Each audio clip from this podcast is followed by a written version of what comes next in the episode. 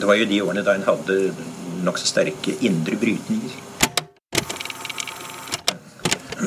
Indre brytninger.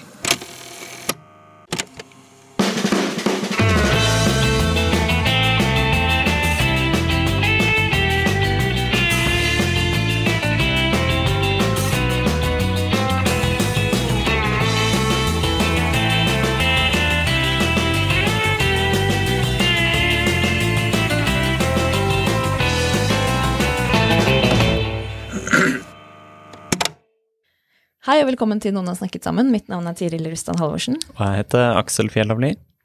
Det er et pågående arbeid eh, bl.a. i SSB på å lage et bedre mål på inntekt og formue. Eh, Det er jo ting som man begynner å diskutere når Røkke flytter ut, eller man skal eh, vurdere hvor stor ulikheten er i Norge, eller hvor mye skatt vi skal eller bør eller faktisk betaler, og nå skal jo også et statsbudsjett finansieres.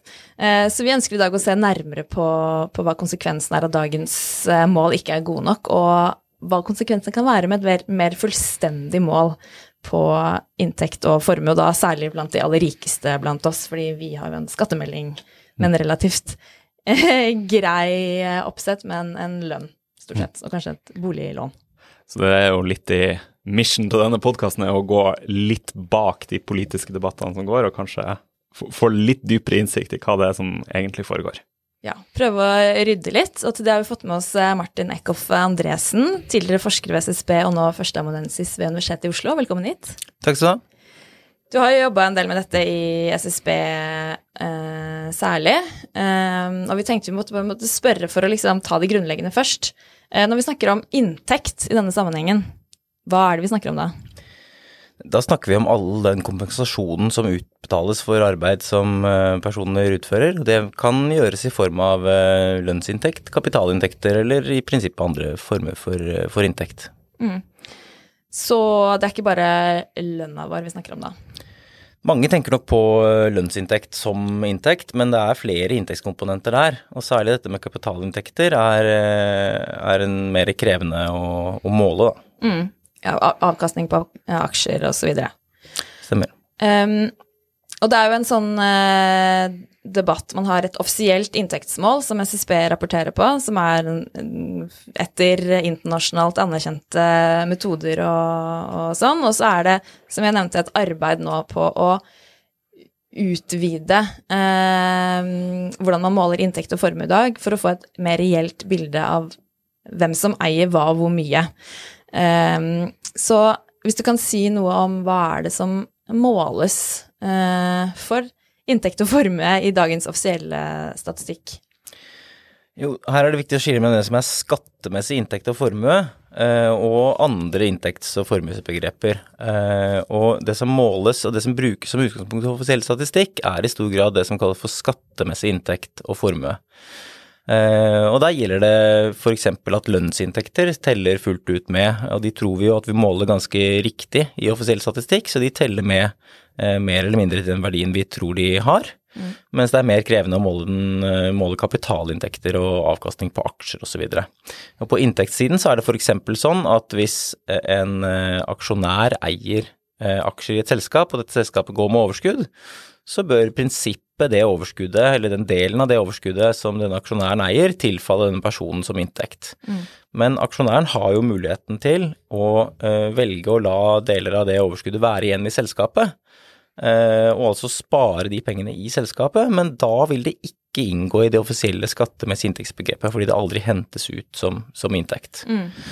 Og for et økonomisk inntektsbegrep eh, så er det uheldig, for da vil inntekten avhenge av hva man velger å bruke pengene til, om man velger å spare de eller ikke. Mm. Sånn at eh, det er en av de inntektskomponentene som, eh, som andre forskere i SSB annet har forsøkt å måle bedre, og dermed tilordne de enkelte eierne, uavhengig om de velger å hente ut pengene eller ikke. Eh, Og dette er ikke fordi vi mener at eh, skattemessig inntektsbegrep er feil, det er per definisjon eh, riktig, men vi tror at et mer utvidet inntektsbegrep kan bidra til å gi et bedre bilde av inntekter og formue, og ulikhet i inntekt og formue over befolkningen. Når du sier skattemessig inntektsbegrep, betyr det at det er det som er grunnlaget for den skatten du betaler? Det stemmer. Sånn at hvis bare for å få dette i klartekst, så er det sånn da at hvis man eh, forstår inntekt på en annen måte, så vil det også ha en konsekvens for eh, skatt som betales. Det er klart. Og når vi i SSB velger å lage et utvidet inntektsbegrep, så får det selvfølgelig ingen konsekvenser for hvilken skatt folk faktisk betaler. Men det kan For det er ikke dere som bestemmer det. Det er det ikke vi som bestemmer, heldigvis. Men det kan bidra til å kaste et bedre lys på hvordan inntektene egentlig er fordelt. Og tilsvarende så har vi samme type problemstilling på formuessiden. Eh, Vi har jo offisiell statistikk over formue som i stor grad baserer seg på det som vi kaller for skattemessige formuesverdier. Og der er grunnprinsippet at eh, de ulike eiendelene til husholdningene skal måles til markedsverdi. Men det er veldig mange eh, komponenter av, av formue som er veldig vanskelig å vite hva er egentlig verdien. Og det, for de fleste av oss, er den mest kjente komponenten der f.eks. Bol bolig. Eh, De er ganske mange boliger er vanskelig å prissette. Selv om de omsettes, så er det ganske mange steder ganske tynne boligmarkeder som gjør at vi vet ikke egentlig hva alle boligene i landet er verdt. Så når vi skal tilegne folk en formue basert på boligen, så brukes det en veldig sjablongmessig sånn hedonistisk prismodell. Og den bommer nok ganske mye. Um, og tilsvarende kan vi ha utfordringer med å måle da unoterte aksjer, som vi har vært inne på. De omsettes så sjelden at vi får ikke noen prissignaler fra markedet som kan fortelle oss hva disse er verdt. Hva er unotert aksje, kan du bare si det? En unotert aksje er en aksje i et selskap som ikke er notert eh, på børsen. Altså Selskaper som er notert på børs, de omsettes jo så jevnlig at vi kan se kursen på børsen, og det er jo det som ligger til grunn for eh, skattleggingen og verdsettingen av de eh, av børsnoterte aksjer. Så for, den, for børsnoterte så er det ganske uproblematisk. Mens for unoterte, som stort sett er privat eid og, og blant få eiere, omsettes sjelden, så er det veldig vanskelig å vite hva den reelle verdien av de aksjene er. Mm. Så da har man en skattemessig formuesverdi på de aksjene som i stor grad kan ta utgangspunkt i regnskapsmessige definisjoner og skattemessige definisjoner av verdien på eiendelene i de selskapene. Så også de unoterte aksjene er grunnlag for beskatning, men basert på et mål som er ufullstendig. Det er sånn å forstå. Ja. Ja, for det er jo Man har jo Man skal jo eh, inntektsbeskatte de tingene vi har snakket om som inntekt, og så er det jo en formuesbeskatning som Og begge deler er litt eh, Kan være vanskelig å måle, og begge deler eh, er litt uf ufullstendig. Ja, det er altså to forskjellige skattesystemer når det gjelder kapitalinntekter og lønnsinntekter. Ja. Eh, Så det er ikke nødvendigvis sånn at, eh, at det, hele det inntektsbegrepet som vi nå snakker om, som er mer utvidet, nødvendigvis skulle, vært, skulle eller burde vært skattlagt eh, etter reglene for lønnsinntekt, som de fleste er mest kjent med. Eh, For der har vi et sånt todelt system for skattlegging av den, de ulike typene inntekt. ja. For én type inntektsskatt er da typen utbytteskatt. Utbytteskatt ble innført i, i eh, 2006 i Norge, og kommer da på toppen av at selve selskapet skatter av sitt overskudd. Eh, Og der er jo Selskapsskatt. Selskapsskatt. Og der er jo tanken at summen, eller etter at, eh, at, at eh, overskuddet først er beskattet med selskapsskatt, i selskap, basert på selskapets overskudd, og deretter at utbyttene er beskattet med utbytteskatt på aksjonærshånd, så, så er ideen at man skal forsøke å ha en noenlunde lik marginal beskatning av, av eh, utbytte eller kapitalinntekter hentet ut på denne måten, og lønnsinntekter. Ja. Så det skulle ikke spille noen rolle i teorien om eieren tok ut lønn eller utbytte. Det er i hvert fall eh, Tanken. prinsippet. mm. Og så er dette er jo en statisk eh, problemstilling, mens i, i prinsippet så vil disse reglene endre seg over tid også. Så du kan jo ha hatt overskudd som ble opptjent i 2013 med en høyere selskapsskatt, og som så blir hentet ut i 2018 med en høyere utbytteskatt. Sånn at dynamisk så får du en rekke andre problemstillinger. Og de kan vi gjerne komme innom. Eh, Men først så har jo eh, du prøvd å lage en beregning på hvordan man kan finne en mer reell verdi da, på disse unoterte aksjene. Eh, Kan du si noe om hvordan man gjør det? Ja, altså dette er jo Det er mye i litteraturen som tyder på at disse unoterte aksjene er, øh, er undervurdert. At regns, de regnskapsmessige verdiene i, i regnskapene er lavere enn de markeds, øh, markedsprisen på de aksjene. Og dette har vi indisier på fra, fra utlandet. fra en stor litteratur som har beregnet såkalte pris til bok-ratioer. Og vi har det mer på et sånn mikronivå, f.eks. For, for Kapital 400, som jevnlig gjør en sånn gjennomgang av de 400 rikeste i Norge. Og både Kapital 400 og store deler av litteraturen finner at, at de unoterte aksjene kan være verdsatt til eh, en tredjedel eller en fjerdedel, f.eks. av, av reell verdi.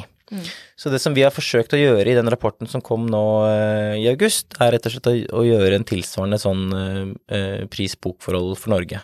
Og det er at vi utnytter oss av at det finnes noen selskaper der vi kjenner både regnskapsverdien og markedsverdien. Og det er de børsnoterte selskapene og en liten gruppe selskaper som er notert på en annen type, ikke formelt sett børsnotert, men som, som handles så ofte at vi kan observere hva markedet er villig til å betale.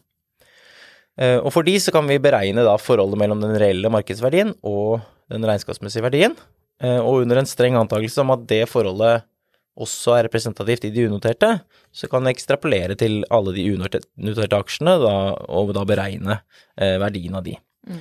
Og det vi gjør da, med relativt konservative anslag, er at vi da finner at i forhold til skattemessig formuesverdi, så er de eh, unoterte aksjene eid av norske privatpersoner eh, omtrent dobbelt så mye verdt som den, det, de, det, som ligger til grunn for, for den skattemessige formuesverdien. Mm. Eh, I sum. Og dette er før anvendelse av det som heter verdsettelsesrabatter. Eh, for det er et politisk spørsmål at man også ønsker å, å beskatte disse ganske lavt, sånn at de har inntil nylig hatt en verdsetting på 55% Så det betyr at det er ganske At det er mye som tyder på, basert på den rapporten vår, at de er ganske undervurdert eh, sammenlignet med andre formuesobjekter. Mm. Betyr det at det er sannsynlig at dette er atferdsvridende på noe vis? Ja, dette har konsekvenser da, som vi har vært inne på allerede, for eh, hva skal jeg si, offisiell statistikk, som jo ligger til grunn for, eh, for, for offisielle mål på, på ulikhet, f.eks. Det har konsekvenser for økonomisk effektivitet, som du er inne på at uh, dette forstyrrer de relative prisene og den relative forventede avkastningen på ulike, ulike mm, formuesobjekter, og gir insentiver til å investere i unoterte aksjer istedenfor å putte pengene andre steder. Så du lar være å gå på børs for å spare skatt? Du kan, eh, Potensielt så gir det et insentiv for å la være å gå på børs. fordi når du da går på børs, hvis det er sånn at selskapet ditt i realiteten er mye mer verdt enn det du skattlegges for, så vil jo da eierne eh, bli utsatt for en større formuesskatt. Mm. Så det typisk kan gi sånne typer insentiver, og disinsentiver til å, eh, eller insentiver til å spare i unoterte aksjer istedenfor i andre formuesobjekter. Mm. Så det kan ha konsekvenser for økonomisk effektivitet. Hva er det som gjør at disse unoterte aksjene eh, er eh, i, realiteten mer verdt enn den bokførte verdien, og hva er det som liksom gjør at det er ja? Altså, eh, jeg har lyst til å presisere at eh, Eh, den bokførte regnskapsmessige verdien ikke nødvendigvis er den samme som den skattemessige verdien. Ja. De skattereglene har en rekke kriker og kroker og, og, detaljer for hvordan ulike eiendeler skal verdsettes, så de trenger ikke nødvendigvis å samsvare med den bokførte verdien. Og det er generelt sånn at den uh, skattemessige verdien er høyere enn den bokførte verdien mm. for veldig mange typer eiendeler. Men selskapene har en god del diskresjon til akkurat hvordan de bokfører og avskriver ulike, uh, ulike eiendeler. Mm. Men det er fortsatt en, en, god margin opp til det målet dere finner? Uh, ja, i sum så er det fortsatt en god margin opp til det målet vi finner på markedsverdi. Uh, det, finne, altså forhold, det som vi er interessert i, er forholdet mellom den skattemessige verdien og, og markedsverdien. Og så bruker vi egentlig bare regnskapsverdier som en vei å komme mellom de to. Mm. Fordi regnskapsmessig verdi kan vi måle for både de børsnoterte og de unoterte. Men det skyldes eh, gjerne at det er eh, nyoppstartede bedrifter, det bare er reelt sett vanskelig å vite hvor mye er verdt, eh, og det er kanskje mye patenter og immaterielle ting som det er vanskelig å verdsette. Det kan f.eks. være det, og det kan være Altså, en, en, et selskaps verdi i markedet vil jo typisk være gitt av eh, markedets forventning til fremtidig avkastning. Mm. Eh, og den kan jo bygge på store forventninger som ikke nødvendigvis reflekteres i de eh, bokførte eiendelene. Og som du sier, særlig sånne ting som immaterielle eiendeler og patenter og sånne ting er, er, vanskelig å prise. Og markedet kan i prinsippet legge en mye større vekt eller verdi på det enn det de regnskapsfører denne eiendelen med. Mm, mm. Eh, og også det som den eiendelen vil tillegges, tillegges i, i, skattemessig formuesverdi. Mm. Ja, så én ting er jo at uh, det kan være vanskelig å måle uh, det som uh, norske eiere faktisk sitter på av verdier i disse unoterte selskapene. Noe annet er jo hvordan skattesystemet i seg selv er lagt opp til Du var litt inne på det, at man kan beholde utbyttene i selskapene. og dette var noe som ble innført i 2006, den skattereformen vi nevnte tidligere. Hva gikk den skattereformen ut på, og hvordan så man det i, i på en måte tilpassingen til den? Eh, altså Før 2006 så hadde man ikke utbytteskatt. Eh, og så innførte man da eh, det som heter aksjonærmodellen, samtidig som at man innførte fritaksmetoden. Og de tingene sammen betyr at det var da utbytteskatteplikt for personlige aksjonærer, mens selskapsaksjonærer i all hovedsak er fritatt for utbytteskatt. Mm. Så det betyr at hvis et selskap utbetaler utbytte til et annet selskap, så betaler de ikke noe utbytteskatt på det. Eh, det er først når man henter ut til den personlige aksjonæren at, eh, at vedkommende betaler eh, utbytteskatt. Og dette gjorde jo selvfølgelig at denne reformen ble annonsert i lang tid i forveien. Og, og, før dette så var det jo store urealiserte utbytter som var spart opp i selskapene. Eh, og, og, det gjorde at, de å, at eierne valgte å ta ut veldig, veldig store utbytter i 2005, eh, før reformen ble innført, når det ikke var utbytteskatt. Og så skjøt de veldig mye av disse pengene inn igjen i nye holdingselskap. Mm. For det var ikke fordi at de nødvendigvis trengte de pengene umiddelbart, det var rett og slett at de nå hadde muligheten til å ta ut de pengene uten at det påløp utbytteskatt på det. Og det ble i stor grad forstått som en eh, politisk akseptabel eh, løsning. Dette var overskudd som var opptjent under et system hvor det ikke var utbytteskatt. Eh, sånn at det ble ikke Så vidt jeg skjønner, så ble ikke det forstått som urimelig eh, da eller, eller, nå. Og formålet med både aksjonærmodellen og fritaksmodellen var jo å å la bedriftseiere holde pengene i selskapene og investere de videre? Ja, og det bygger jo på en sånn implisitt antakelse om at kapitalmarkedene ikke er perfekt, perfekte, og at det er kostnader ved å hente ut, eller at bedriftene ville hatt problemer med å hente penger i kapitalmarkedet hvis de hadde gode prosjekter som mm. ville vært lønt verdt.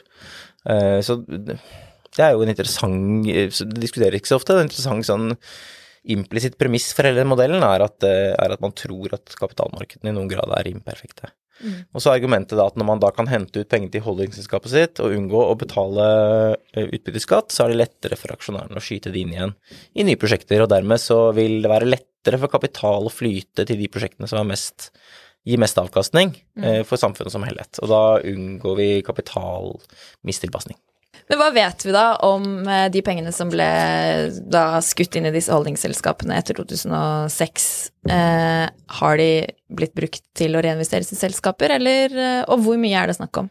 Altså, det, var, det er um, Nå har jeg ikke tallet rett foran meg, men det er utbytter som er uh, altså fire-fem ganger så store som et normalår i 2005, som ble hentet ut veldig veldig store summer. Ja, og Jeg syns jeg leste at det ble opprettet 60 000 nye selskaper også. Ja, det hørtes litt um, Det tror jeg alle selskaper i så fall. Men, men, men, selv i forhold til antall selskaper som var opprettet i 2004 eller 2006 eller 2007, i andre år, så ble det opprettet veldig veldig mange nye selskaper. Og det er i stor grad uh, holdingselskaper. Uh, og vi snakker nok mange, flere titusen i hvert fall nye holdingselskaper hvor disse mm. pengene ble skutt inn.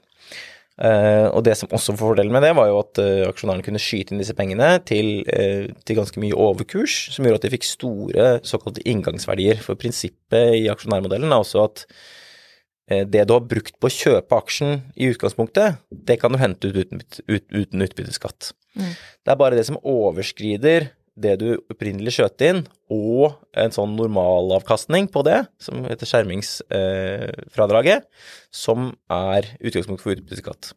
Og de eierne som da skjøt inn veldig mye penger, altså brukte veldig mye penger på å kjøpe aksjer i sine egne holdingselskap, de hadde da veldig høye grunnlagsverdier og kunne hente ut mye penger skattefritt selv etter at utbytteskatten var innført. Mm. Eh, og det ser vi jo at de gjorde i de årene som fulgte etter reformen, uten at det heller er noe Eh, dette var nok eh, en del av intensjonen bak reformen, at det skulle være mulig å gjøre det. Mm. Um, Men i realiteten så har det vel også blitt kjøpt en del leiligheter og privatfly?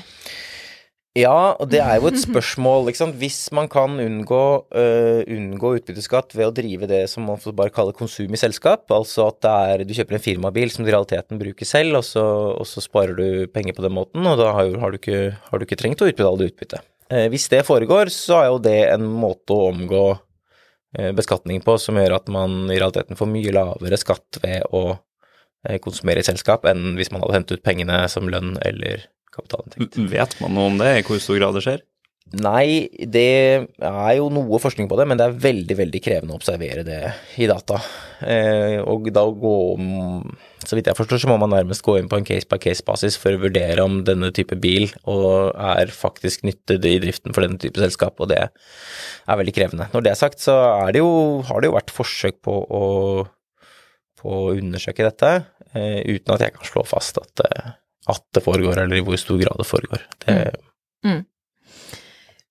Men um, vi har vært litt, uh, litt inne på det, men hva er det som er konsekvensene av at uh, tallene er uh, ufullstendige, og det er vanskelig å måle en del av disse tingene? Det gjør jo eh, at eh, en del av grunnlaget for den offentlige debatten blir dårligere.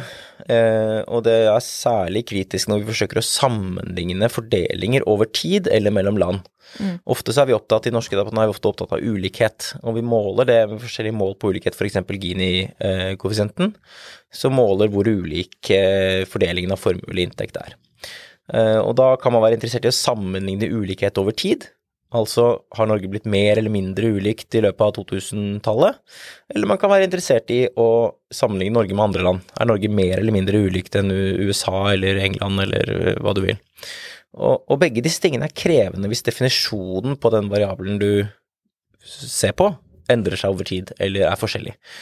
Eh, som et enkelt eksempel så vil pensjonssystemene i mange land være inkludert i formuesbegrepet fordi at det er, de er knyttet til enkeltpersoner. De er en formue hos en enkeltperson, og da vil den være med i, i formuesbegrepet. I Norge så er det jo staten som har pensjonsforpliktelser overfor alle innbyggerne, basert på hvor mye opptjening og hvilket uh, pensjonsregime du er under osv. Men de vil ikke inngå i husholdningenes formuer, sånn som vi måler i. Og da vil det jo være veldig, eh, veldig vanskelig å sammenligne det over tid. Og hvis det er endring i skattesystemet over tid for hvordan vi måler inntekt, og hvordan vi priser eh, til selskap, så vil det også kunne se ut som det er en økning eller en reduksjon i, i ulikheten, når det egentlig bare er en endring av definisjonen i den underliggende variabelen. Når, når eh, SSB har eh, undersøkt, eh, liksom lagt til uh, ulike komponenter i, i ulikhetsbegrepet, så får jo det konsekvenser for hvordan ulikheten ser ut i Norge. Er det gjort uh, forsøk på det tilsvarende i andre land, sånn at man kan sammenligne direkte, f.eks. dette med unoterte, unoterte aksjer og sånne ting? Her er, må jeg nok innrømme at jeg ikke er noen ekspert. Eh, det vil jeg tro har skjedd, og, og, eh, men, men da er man jo avhengig av at disse, disse definisjonene er noenlunde like. Eh, uten at jeg kan si på stående fot hva det er. Men, men vi kan tenke oss litt sånn prinsipielt. Det er mange, vi har vært inne på mange komponenter av både inntekt og formue som vi tror er målt feil. Og en av de er unoterte aksjer. Eh, Og der finner jo vi i vår rapport at det er grunn til å tro at de er eh, undervurdert med en faktor på anslagsvis to. Eh, Og det får store konsekvenser for ulikhet i formue, nettopp fordi at denne eiendelen er så skjevt fordelt i utgangspunktet. Det er i stor grad de aller rikeste som eier unoterte aksjer. Og hvis du måler en formueskomponent som de aller rikeste eier, feil, så blir konsekvensen større for ulikheten enn hvis du måler en formueskomponent som er ganske jevnt fordelt, f.eks. bolig. Bolig måler vi også feil, men det er veldig veldig vanlig å eie bolig i Norge, og det er ikke sånn at de rikeste eier så utrolig mye dyrere boliger enn de fattigste.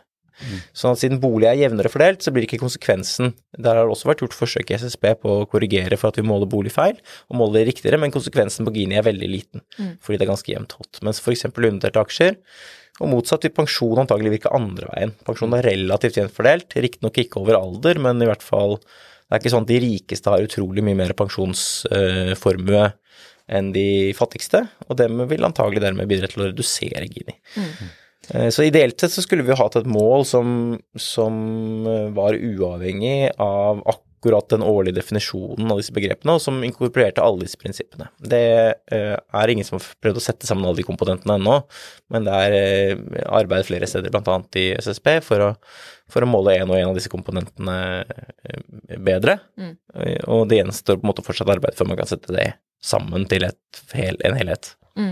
Hva, hva blir utslagene på Gini? Nei, på, På Gini så den øker eh, ganske mye, eh, med ca. 10% eller ja, 6 prosentpoeng, da. Kan det sammenlignes med annet, bare for å få et bilde om 10% økning i Gini er mye eller lite? Ja, det er ganske mye. Eh, hvis du Altså, den diskusjonen som vi har hatt i de siste par årene knytta til om ulikheten har økt eller ikke i Norge, den er i den størrelsesorden eller mindre. Eh, nå snakker jeg om formue, mens den debatten i stor grad har dreid seg om inntekt, men, men Mm. eh, at, at Gini øker fra 0,64 til 0,72 Så, så man, man snakker om liksom er- en dobling av, av økninga i ulikhet siden 80-tallet, da, hvis man tar med eh, unoterte aksjer, på en måte. Eh, ja, så langt tilbake har ikke vi gått, så det, det har jeg ikke for meg akkurat nå. Uh, men uh, vi har gått tilbake til 2004, og Ja. det skyldes at før det er det veldig vanskelig å knytte aksjer til, Mm. til eiere. Mm. Mm. Eh, men i den perioden så, så, så ser vi en ikke ubetydelig økning i ulikheten når vi måler rundt et aksje på den måten. Mm. Eh, Nå forsker jo du på det, men jeg spør likevel om du har en feeling på hvor en sånn pensjonsberegning eh, ville gått her hvis man hadde lagt til den komponenten? Nei, i utgangspunktet så eh, sier magefølelsen min meg at den ville vært eh, redusert ulikheten. Hvor mye vet jeg ikke. Det, men det skyldes jo stort sett at, de, de, at den er relativt Den er riktignok ikke jevnt fordelt over alder. Det er jo de som er nærmest pensjonsalder som har størst pensjonsformue, selvfølgelig. Eh, men det er ganske relativt li, lite ulikhet innad i alder. I hvert fall er det ganske lite ulikhet i pensjonsformue sammenlignet med andre formueskomponenter. Så eh, uten at jeg har sett på det. Det har vært arbeid i SSB av eh, Elin Halvorsen og, og flere andre som har forsøkt å kvantifisere dette. Eh, Riktignok bare for den eldste aldersgruppa, og da er det konklusjonen at ulikheten synker. Mm. Hvis du tar med, forsøker å ta med pensjonen. Mm. Eh, mens, mens de Hvis du hadde gjort dette for hele befolkningen, typisk de uh, unge også, så ville jo de ha mye mindre pensjonsformue, og dermed vil konklusjonen kanskje være noe annerledes, men, eh, men antagelig ville ulikheten kanskje blitt noe redusert. Så er det dette med inntekter eh, til staten, da, som hvis det er store verdier der ute som vi ikke når med skattesystemet vårt, på en måte. Eh, er det gjort noen beregninger på tap av skatteinntekter? Jeg, i den, DN hadde en eh, lang eh, sånn magasinesak i 2019, og da hadde de gjort beregninger at fra 2006 til 2019 så var det utbetalt i hvert fall 644 milliarder til disse holdningsselskapene, Mm. skattefritt. Og da har man jo gått glipp av en skatteprosent av de. Ja, men, men, men da, av, da avskriver du på en måte aksjonærmodellen. Da. Det, de utbetalingene er jo ikke skattefrie, så da Mm. Jeg syns på en måte en mer realistisk kontrafaktisk ville jo vært om La oss si at vi hadde målt verdien av de unoterte aksjene sånn som vi måler det, da, ikke sant. Så, så vil jo, vil jo den, den formuen, eller verdien av de aksjene, typisk være dobbelt så stor.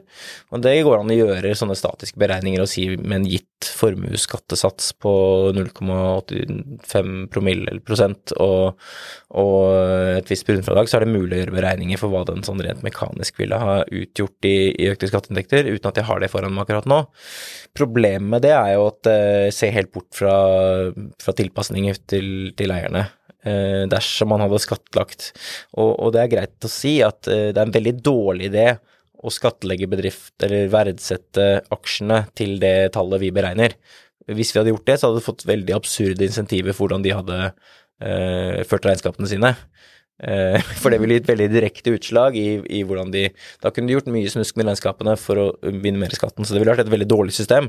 Eh, men, men antagelig så ville de eh, også tilpassa seg, da, hvis, sånn at det blir en veldig sånn eh, veldig sånn statisk beregning som, som antagelig er for stor, da. Mm. Hvis du hadde bare regnet den eh, eh, formuesskatteprosenten på, på, på, den økte verdien av, av underaksjer. Mm. Nå sitter det jo et skatteutvalg eh, og jobber, eh, og de har i mandatet sitt annet å se på denne aksjonærmodellen. Hva slags og, og vi var jo inne på det, den aksjonærmodellen er jo innført for en grunn. Eh, hva det, hva slags vanskeligheter er det utvalget står overfor når de skal se på denne modellen, og hva er det man burde prøve å bevare, og hva er det man kunne eventuelt se på at man burde prøve å fjerne, da? Ja, som forsker så, prøver jeg å holde meg en, en, en noe avstand til eh, normative spørsmål, men, eh, men eh, så vidt jeg har forstått diskusjonene i utvalget og mandatet til utvalget, så handler det i noen grad om å evaluere hvorvidt aksjonærmodellen og fritaksmetoden har gjort eh, aksjonæren i stand til å skyve på denne skattebyrden mer eller mindre i uendeligheten. Mm. Eh, og som jeg var inne på tidligere, så snakker vi også om en dynamiske insentiver her, ikke sant. Fordi at eh, det er jo sånn at skattesystemet er i endring hele tiden. Vi får nye regjeringer, og vi får andre prioriteringer, og, og skattene endres. Eh, og disse eh, relativt rike eierne har i noen grad muligheten til å sitte der og vente, og holde på disse tilbakeholdte overskuddene fram til en eller annen mulighet dukker opp. Eh, hvor, hvor det kommer en skatteendring som gjør at utbytteskatten synker, og det er rom for å ta ut disse. Mm. De risikerer selvfølgelig også at utbytteskatten øker, som de har gjort de siste par årene. Så, men altså, hvis du, har, hvis du har lang tidshorisont og romslig økonomi, så kan du i noen grad sitte der og vente på en politisk mulighet til å hente de pengene. Mm. Eller flytte sånn, utlandet. Eller flytte til utlandet og utnytte det smutthullet som handler om eh, at man, eh, hvis man eh, har bodd fem år i utlandet, så kan man hente ut alle disse tilbakeholdte overskuddene. Så du kan bo i Norge i mange år, holde tilbake overskuddene i selskapene dine, flytte til Sveits og bo der i fem år, og så ta ut disse overskuddene, og så blir du ikke eh, beskattet med norsk utbytteskatt. Og så, så vet vi jo også at eh, det er jo ikke sånn at des, disse tilbakeholdte overskuddene er verdiløse for de eierne i mellomtiden, mens de sitter der og venter. Det er mange eksempler på at disse går til banken og får lån med sikkerhet i de aksjene, fordi de aksjene er verdt mer, selvfølgelig, når selskapet har oppspart eh, tilbakeholdt overskudd. Sånn at eh, for de aller rikeste så har de mye fleksibilitet for å hva skal jeg si, utnytte eller eh, benytte seg av de verdiene som ligger i de selskapene, selv om de ikke har hentet de ut som utbytte ennå. Ja, for du trenger ikke å hente det ut, og du trenger ikke nødvendigvis bruke eller foreta hva var det du kalte det, privat konsum i selskapene, men du vil rett og slett bare låne mot Du kan låne med sikkerhet i de ja. aksjene. eh, og- billig rente når man har mye sikkerhet. Ja, og så er jo spørsmålet Der har det jo blitt strammet inn knytta til hvilken rente bankene egentlig skal bruke eh, der, så der har det blitt noen grad innstramninger. Eh, men, men det er i hvert fall en mulighet som, som vi tror at de enkelte tilfeller benytter seg av, å låne mot verdien av de aksjene. Mm. Sånn at uh, dette er ikke bare et statisk problem, og det er den statiske mm, avveiningen har vært at man, man ønsker å gi ganske like insentiver til å ta ut lønnsinntekt og, og kapitalinntekt. Uh, mens at det også er uh, hvordan disse skatteratene varierer over tid. Ja, så tusen takk for at eh, du kom hit og gjorde den debatten eh, bedre. Eh, Martin Eckhoff Andresen fra Universitetet i Oslo. Takk skal du ha.